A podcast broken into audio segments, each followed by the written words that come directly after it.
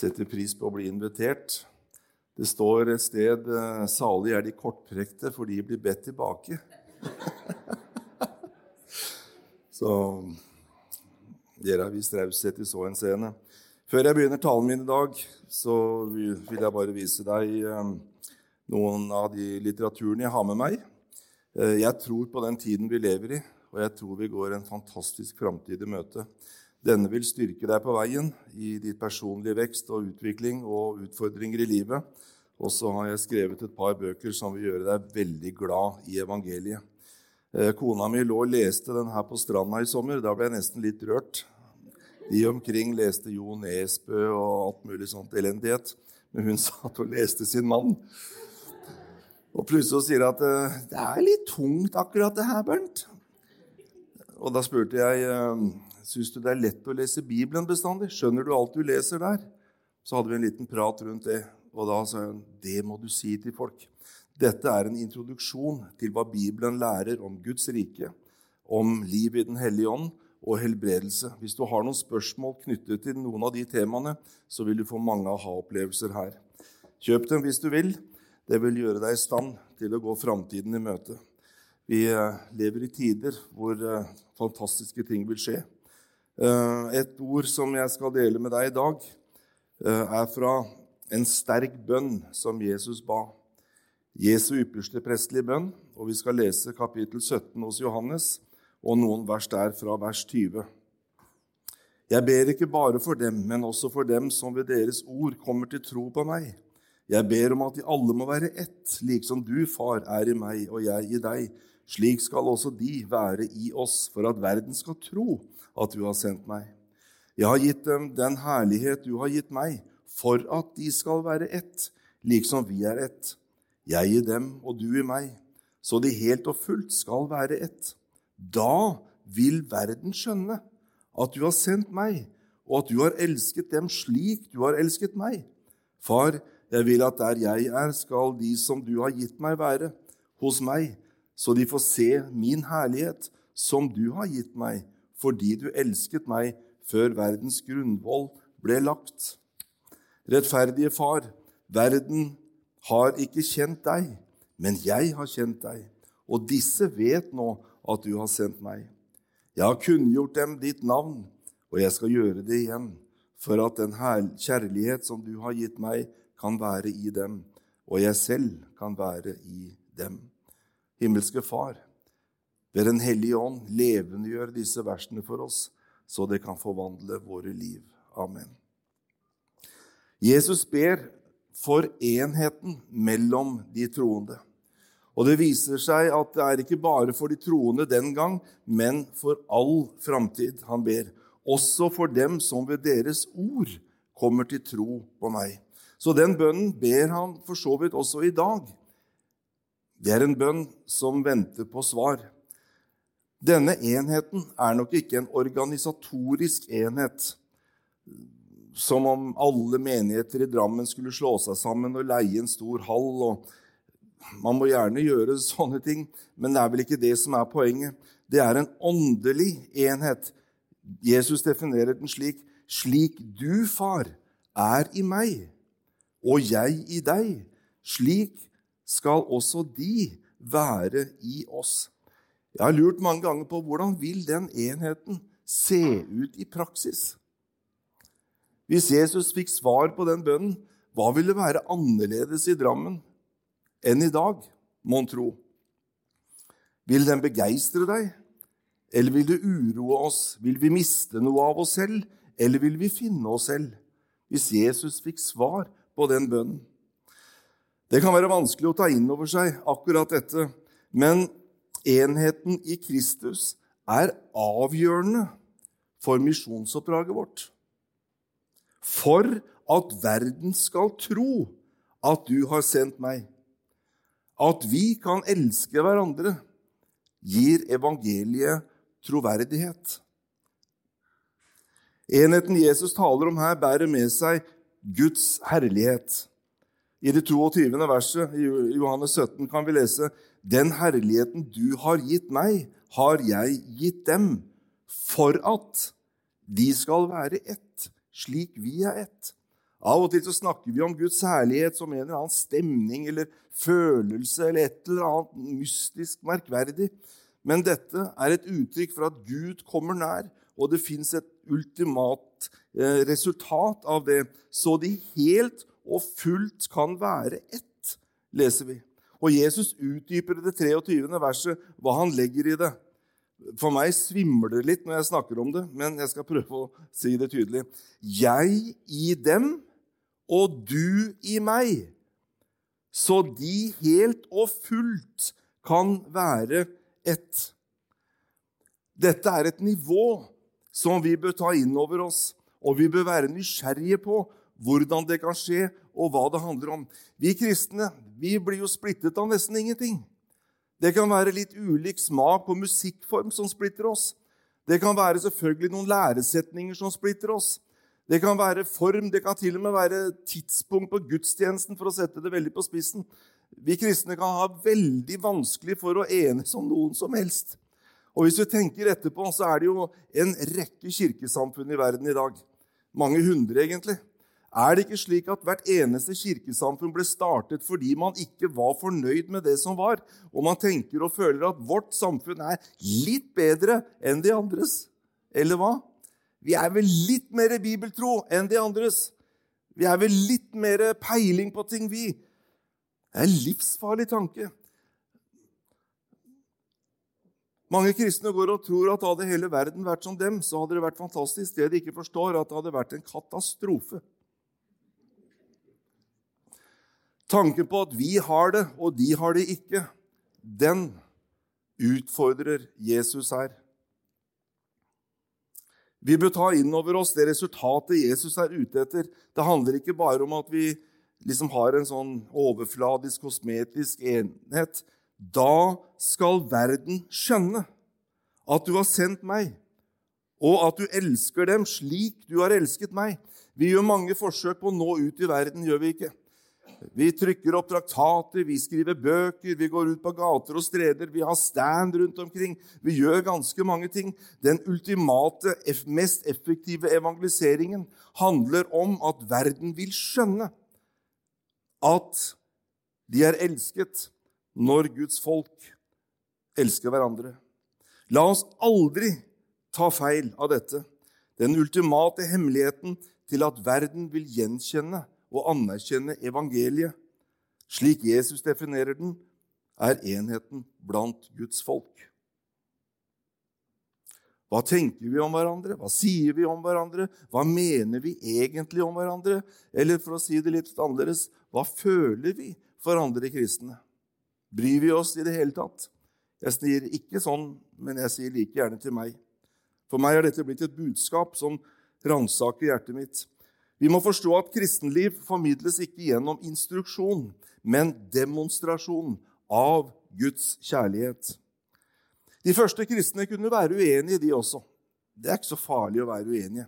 De kunne diskutere, de hadde noen kraftige diskusjoner om forhold til lov og nåde, bl.a. Bare les apostlenes gjerninger. Det var et skikkelig oppgjør med det de tolket som både vranglære og ulike ting, og ikke minst at Den hellige ånd falt på hedningene. Det falt eh, brødrene i Jerusalem tungt for brystet. Og Peter måtte komme tilbake og fortelle om hva som hadde skjedd. Men det var åpne folk, så de tenkte at hvis Gud har anerkjent dem, hva, hvem er da vi som skal hindre Guds verk? Men de var uenige og hadde diskusjoner. Men når vi leser om de første kristne, så er det noe annet som slår imot oss med en voldsom kraft, nemlig f.eks. i Apostelens gjerninger 1,14.: Alle disse holdt trofast sammen i bønn. De kunne vel være uenige. Peter hadde nettopp fornektet Jesus tre ganger. De var usikre på hva som hadde skjedd. Har Jesus øh, stått opp igjen, eller har han ikke? Så de samlet seg av frykt for jødene inne på øvre salen der og visste vel ikke helt hva de skulle tro. Og da pinseånden falt etter hvert, så lurte de på i all verden hva skjer nå. Jesus hadde jo sagt at du skulle bli fylt med Den hellige ånd ikke mange dager heretter. Men det han ikke hadde sagt noe særlig om, det var at det skulle komme tunger liksom av ild og sette seg på hver enkelt av dem. At det skulle komme en voldsomt stormvær og fylle stedet hvor de satt. Så det kan tenke meg at det ble en del diskusjoner om møteform og forskjellig der de satt. Men Det står også i Apostelens gjerninger 2.1.: Da pinsedagen kom, var de alle samlet på ett sted. Altså Det uttrykker noe av de holdt sammen. De var der og ventet på Den hellige ånd, hva det nå enn skulle være som skulle komme. Jesus hadde jo vært litt knapp. Dere skal bli fylt med Den hellige ånd og bli fylt med hans kraft når ånden kommer over dere. Men hvordan ville det se ut? Hvordan ville det arte seg? Det visste de ikke. Men de var sammen der. Og senere på dagen står det i vers 46 i Apostelens gjerninger 2.: Hver dag holdt de seg trofast sammen på tempelplassen, og i hjemmene brøt de brødet, og de spiste sammen med oppriktig og helhjertet glede. Det er noe av dette her som jeg er på jakt etter. Det som gjorde at de holdt sammen. De var sammen, de lengtet etter noe. Enheten var der. Og vi lærer noe grunnleggende om vår relasjon til Gud her. Og det har jeg lyst til å si litt om i dag. Alle velsignelser fra Gud er basert på hans godhet. Vi kan ikke tvinge Gud til å gjøre noe han ikke ønsker. En klok far lar seg ikke manipulere av et manipulerende barn til å få vilja si. Å forstå dette vil kunne hjelpe oss å ha tillit til Gud og ikke vår egen rettferdighet eller tro. Ikke engang det reneste og beste mennesket her i dag gjør seg fortjent til noe som helst. Jeg holdt på å si amen og halleluja. Noe av dette jeg deler akkurat nå, er noe jeg snakker litt frimodig om etter ca. 35 år som sjelesørger. Det er så mange tanker rundt dette som gjør at folk bøyer sitt hode altfor lett. Omvendelsen, som Bibelen taler mye om, er ikke en fortjenestesfull prestasjon. Hvis vi bare vender om litt mer, så kanskje Gud kan bli fornøyd, og vi kan få bønnesvar. Ja, det er vel litt urenhet her. Vi må vende om litt til. Omvendelse betyr å fatte et nytt sinn. Det begynner å tenke som Gud. Det er en nødvendighet for i hele tatt å kunne ta imot fra Gud. Men det er ingenting som gjør at vi fortjener noe. Det bare gjør det mulig for oss å fatte og ta imot. Ikke engang bønn forplikter Gud sånn som vi vanligvis tenker om det. Som om Gud skulle komme i en slags gjeld til oss. Ja, vi har bedt så mye om dette her, sier vi. Og jeg vet jo hva vi legger i det, så jeg skal ikke drive og kverulere med ord. Også, for jeg, dette er et hjertespråk. Hvis det er noe som er viktig for oss, så sier vi ofte ja, nå må vi be mye. Å, det er viktig å be mye. Ja, jeg elsker bønn, og jeg prøver å få menigheten alt jeg kan til å respondere på bønn. Men det er også viktig å forstå noe her. Noen sier vi må be nok. Ja, jeg har kanskje ikke bedt nok, derfor er det ikke noe gjennombrudd. Når har du bedt nok? Det er én som er nok. Det er El Shaddai, det hebraiske navnet for Gud, som kan oversettes Gud den allmektige eller Gud som er mer enn nok. Det er bare Han som er nok. Det er bare én som er god, sa Jesus, og det er Far i himmelen. Alt han har gjort, er nok. Det er tilstrekkelig. Poenget mitt er at Gud hører vår bønn ene og alene fordi han er god.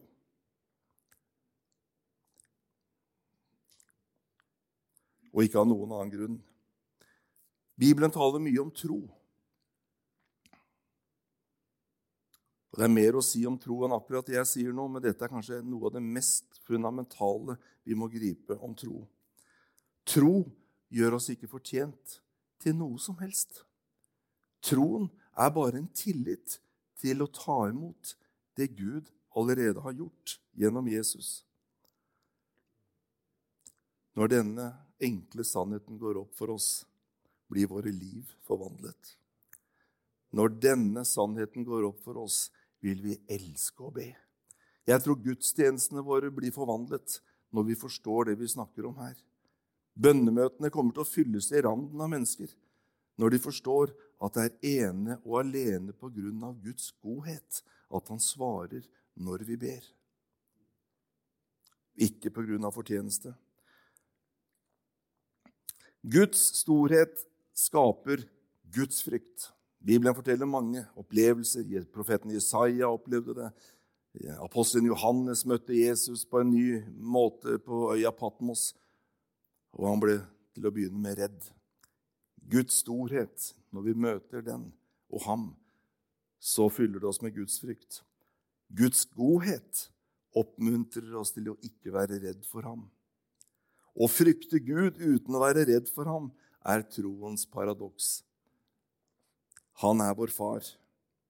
Å ikke kjenne Gud har sin pris, noe som gjør kristenlivet kjedelig og overfladisk på sikt. Av og til så kan vi høres ut, noen av oss, som selveste farao når han sier, 'Hvem er Herren?' som jeg skulle lyde og la Israel fare.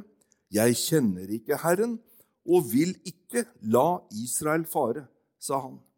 Av og til gjør akkurat vi det samme.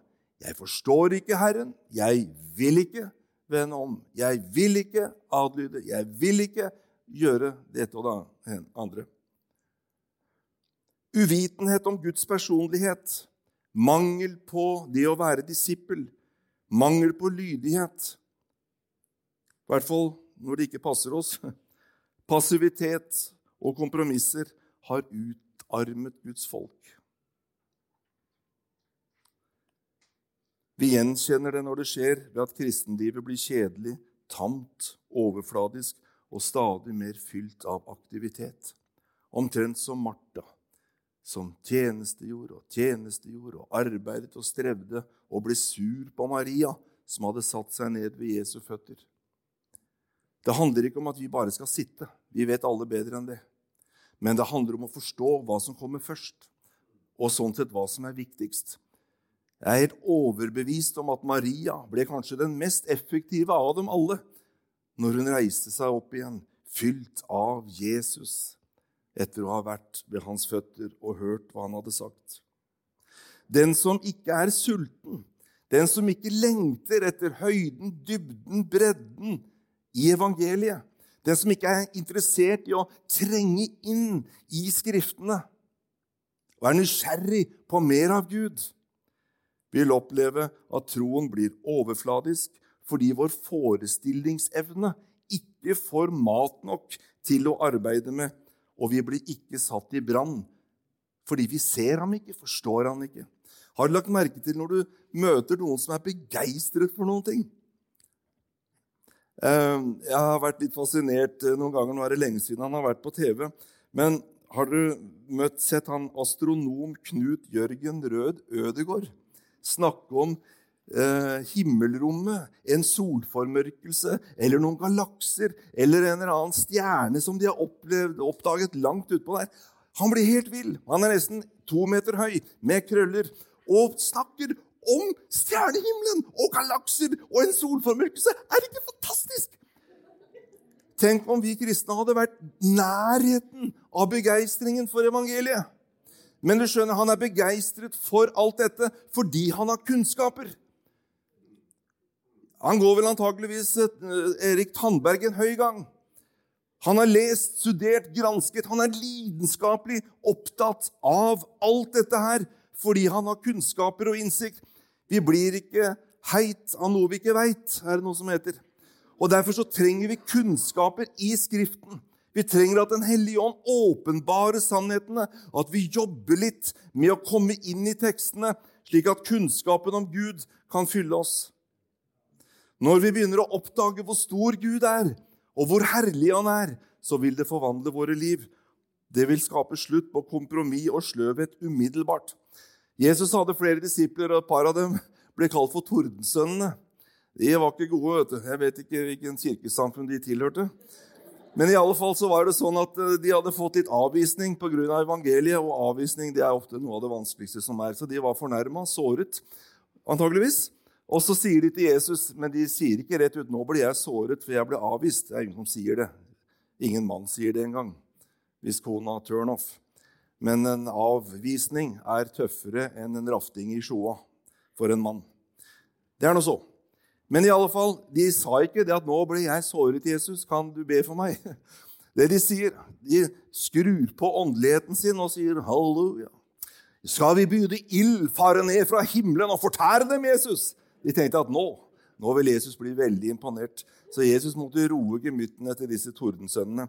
Men det gode er at Johannes, som var en av dem, han ble i møte med Jesus fullstendig forvandlet. Han ble den som omtaler seg som den disippel som Jesus hadde kjær, som lå inntil Jesu bryst. Han var med å vekte opp Jairus' datter fra de døde. Han var med på Forklarelsens berg. Han opplevde voldsomme ting. Han opplevde alle de åpenbaringene som Johannes' åpenbaring beskriver. Eh, det er mulig eh, noen her kan alt det der, men jeg har flere noen sånne småting igjen som ikke jeg skjønner i Johannes' åpenbaring ennå. Så dypt var det. Men er det ikke fantastisk? Fra å være altså Han ble kalt for Tordensønn. Han, de var ikke gode. vet du. De var eh, skikkelig kranglefanter. Hissigpropper, kan vi kalle det på godt norsk. Men ble fullstendig forvandlet i møte med ham. Det var medisinen den gang. Og det er den samme medisinen i dag. Vi tror kanskje at vi liksom kan terapeutisk forløse alle våre problemer. Jeg jobber masse med det terapeutiske selv, så jeg mener at det er verdifullt. Men ingenting kan måle seg som et møte med ham. Så av og til så snakker vi mye om Jesus, vi synger om han, og jeg preker jo om han. Jeg har ikke gjort annet hele mitt liv, Men etter hvert nå så har jeg fått en mye større lengsel etter at han får åpenbare seg gjennom ordets forkynnelse, gjennom vår virksomhet. For det er bare han som kan forvandle menneskers liv. Et glimt av Jesus' storhet gjør oss motivert til å leve helt for ham, uten lunkenhet og kompromissløshet. Her er en stor hemmelighet når det gjelder å forstå evangeliet i den nye pakts tid. I 2. Korinterbrev 3,16 kan vi lese Men når de vender om til Herren, blir sløret tatt bort. Altså Det er forholdet mellom den gamle pakt og den nye pakt. Så står det videre Det er ånden, og hvor Herrens ånd er, der er det frihet. Og så sier Paulus hva som er hemmeligheten til livet i den nye pakt. Og vi som uten slør ser for ansiktet ser Herrens herlighet som i et speil. Vi blir forvandlet til dette bildet, fra herlighet til herlighet, og dette skjer ved Herrens ånd. Det er ingen annen måte å bli forvandlet på. Når vi ser ham, og han kommer oss i møte, det blikket der, de øynene der, som Johannes så som øyne med som flammende ild, som bare borer seg ned i oss med Guds forvandlende kjærlighet, det er vårt budskap til verden. Det vil forvandle våre liv også, å se ham. Gud har gitt oss en evne til at det vi ser, har vi vanskelig for å glemme. Hvis jeg nå f.eks. sa til deg Kjære venn, kan dere være så snill å ikke tenke på dette hvite arket, vær så snill? Er det noen av dere som kan være så snill å ikke tenke på dette hvite arket? Det går ikke, vet du. Har du sett det? Så kan jeg prøve å gjemme det. Det er ikke her, det er ikke her, det er ikke her. Men du veit det ligger her, for du har sett det. Slik er det også når du har sett inn i hans ansikt. Du blir aldri den samme. Det er en kraft i hans blikk. Det er dette som Bibelen lærer oss.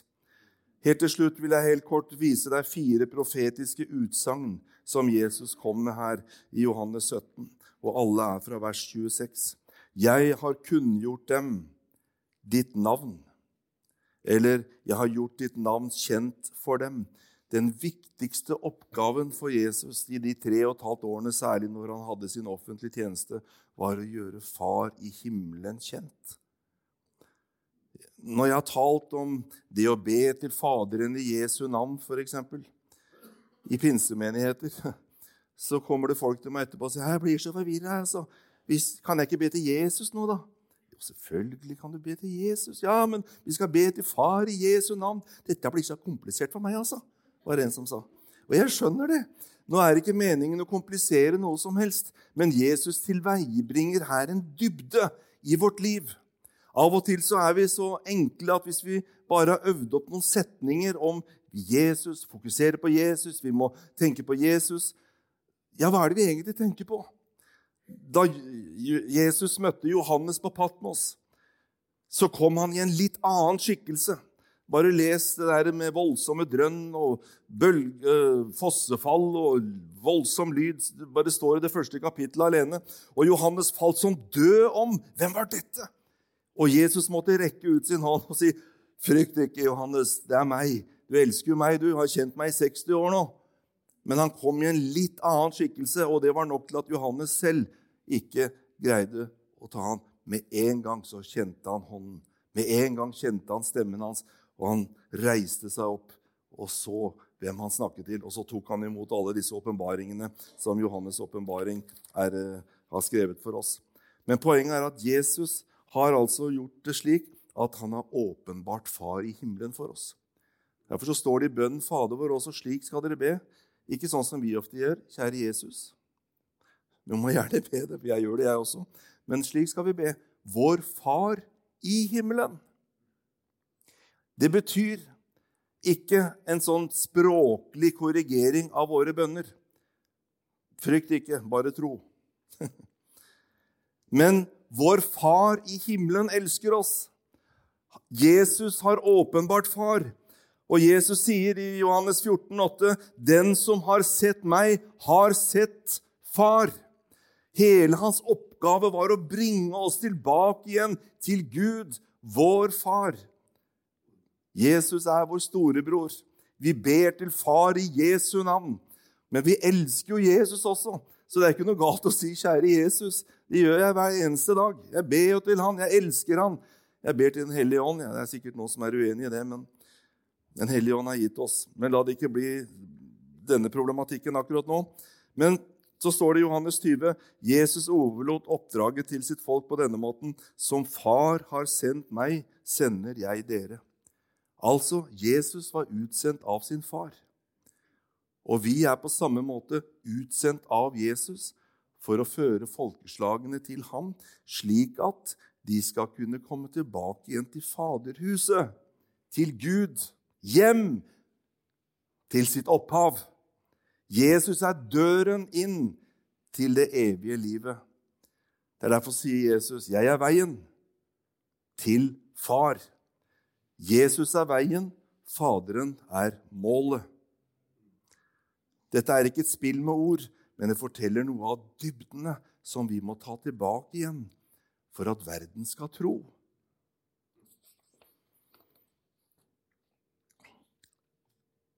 Neste del av vers 26 sier, 'Jeg skal fortsatt gjøre det'.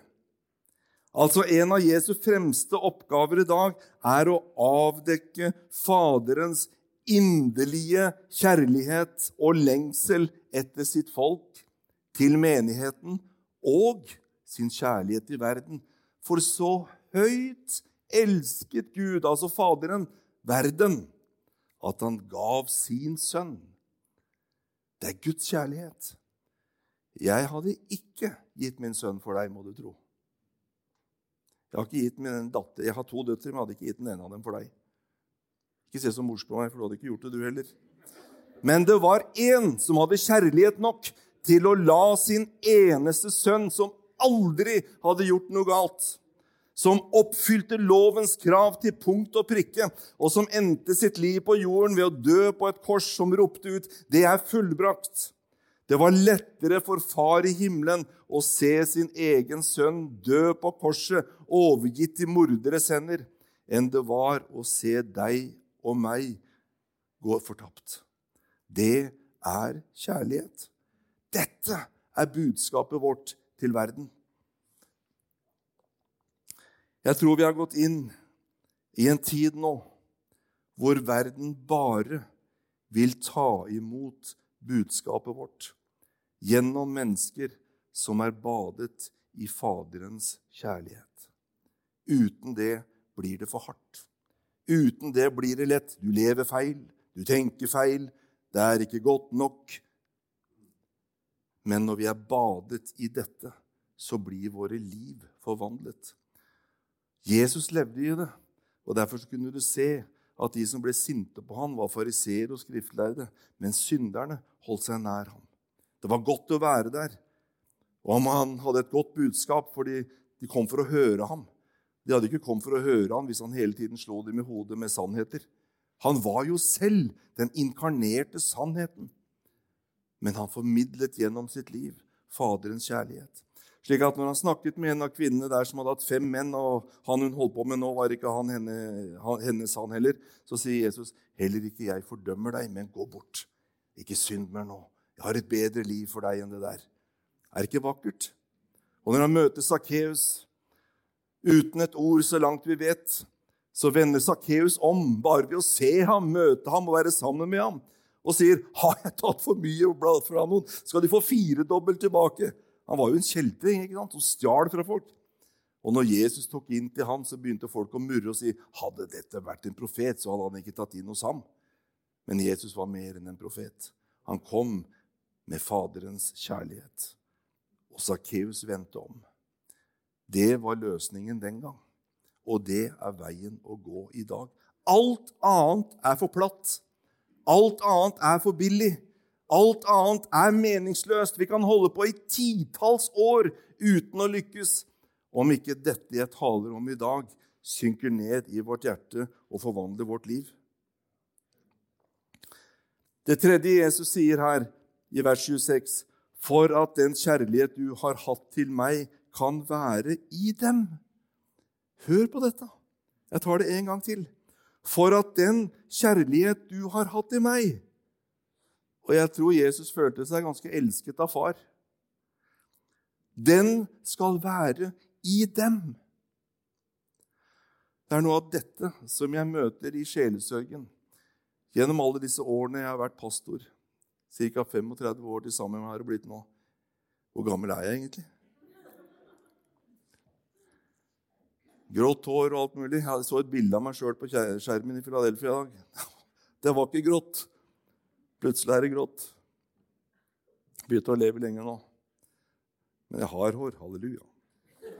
Og det er mitt. Når Jesus viser oss dybdene i Guds farshjerte, så ser vi Gud på en ny og større måte. Det vi ser, påvirker livene våre. Et blikk på ham her er en stor oppdagelse. Jesus ber om at Guds folk skal elske ham slik Faderen elsker ham. Dette er en stor setning. Jesus ber om at Guds folk skal elske ham slik Far i himmelen elsker Jesus. Forestill deg et øyeblikk Faderen, Sønnen og Den hellige ånd. Hvordan det gnistrer av kjærlighet dem imellom. Se for deg Faderen, hvordan han ser Sønnen og beundrer ham. Hans kjærlighet, hans renhet, som oppfyller lovens krav. Oppfyller det mennesket aldri ville klare i egen kraft, og lever det livet du og jeg burde ha levd med, som vi aldri ville klare å leve. Han lever det istedenfor deg og meg, og dør på et kors og Faderen beundrer han og sier, 'Dette er min sønn, den elskede. I ham har jeg velbehag.' Og Jeg ser for meg hvordan Jesus løfter blikket og beundrer far. Hans varme, hans kjærlighet, det evige opphavet, og hvordan han er trygg hos Faderen. Selv på korset, hvor han sier, rett før han døde, for ingen kunne drepe ham. Det var ingen som tok Jesu liv.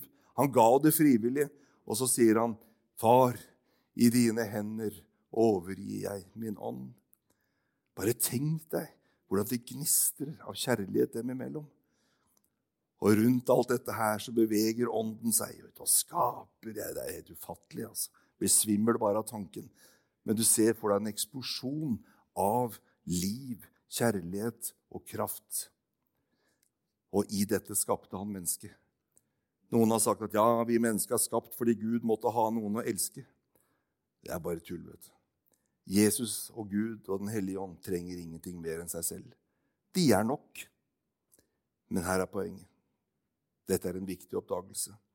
Vi ble ikke skapt for at Gud trengte noen å elske. Vi ble skapt i kjærligheten mellom Faderen, Sønnen og Den hellige ånd. Vi er det vi kaller for kjærlighetsbarn. Ut fra denne kolossale kjærligheten dem imellom, så skaper han oss.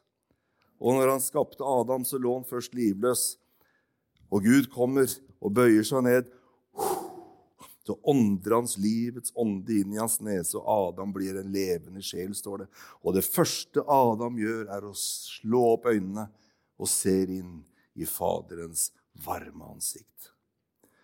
Vi mennesker er i grunnen veldig dårlig utrustet til å tåle avvisning, sarkasme, hat, utestengelse. Vi er skapt for kjærlighet. Det er det vi er. Derfor så lengter vi etter det. Men vi har blitt så vant til mange ganger denne harde verden vi lever i. Til og med kristne kan såre hverandre. Man kan til og med bli såret i en kirke. Og Vi har blitt så vant til å leve sånn så vi har oppøvd noen muskler etter hvert som gjør at vi beskytter oss så godt vi kan. Men det fører også til at flyten av denne kjærligheten og kraften blir strupet fordi vi beskytter og setter opp en mur av forsvar fordi vi er så redd for at noen skal såre meg en gang til. Og Derfor er det denne livsforvandlende erfaringen når Gud kommer nær sitt folk og gjør det trygt. Som han sier på godt norsk to fall apart. Det å falle sammen og ikke prøve å ta seg sammen hele tiden. Fordi det finnes en betingelsesløs kjærlighet som jeg tror dere har i visjonen deres. Det er det som forandrer verden. For en bønn. For at den kjærligheten du har hatt i meg, kan være i dem.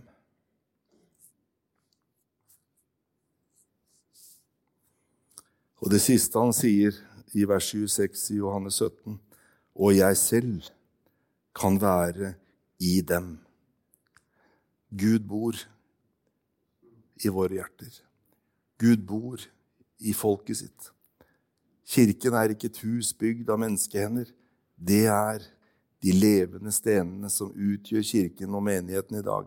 Du og jeg og alle de troende over verden. Kallet vårt er å elske alle, snakke vel om alle, forstå vi er sønner og døtre av Gud.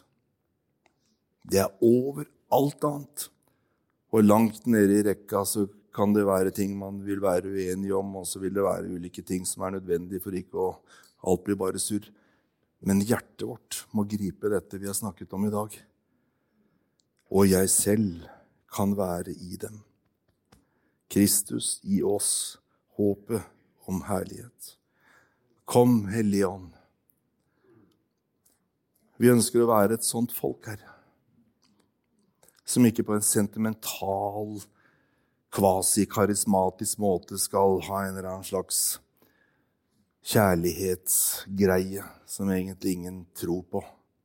Men vi ønsker en dyp berøring i vårt hjerte til å forstå og ha respekt for ditt folk over verden i dag. Også det vi ikke med vårt hode helt kan begripe, så ber vi om Åndens åpenbaring. Og vi vil være et bønnesvar på Jesu bønn La dine barn være ett, slik du er i meg og jeg i dem, slik at verden kan forstå at Gud har elsket dem. Jesus, vi ønsker å ha troverdighet. Vi vet at evangeliet har troverdighet. Men det er håpløst for oss der vi har erfart å bringe det videre, om folk ikke tror på oss heller. Så jeg ber Herre, fortsett å tale om disse tingene i hjertet vårt, og la våre liv bli mer og mer lik deg slik at mennesker kan få lov til å møte oss og se oss og umiddelbart begynne å tenke på Gud fordi vi ligner på deg gjennom våre liv. Velsign denne menigheten, Herre. Alt arbeidet den driver, lederskapet her, barn, unge, voksne og eldre. La det få reise seg en Guds menighet, Herre, som lever sterkt med deg, og som går videre med deg, at du fortsetter skal tale til dem, slik at de neste ti årene kan bli mer fantastiske enn alle årene til sammen hittil. Vi lever i endetiden. Tiden går fort. Du kommer snart igjen. Og Sånn sett så føler vi her at vi har dårlig tid. Men vi har den tid vi har. Og hjelp oss ikke å stresse, men hjelp oss å ta tak i det du taler til oss om, og gjøre noe med det. I Jesu navn. Amen.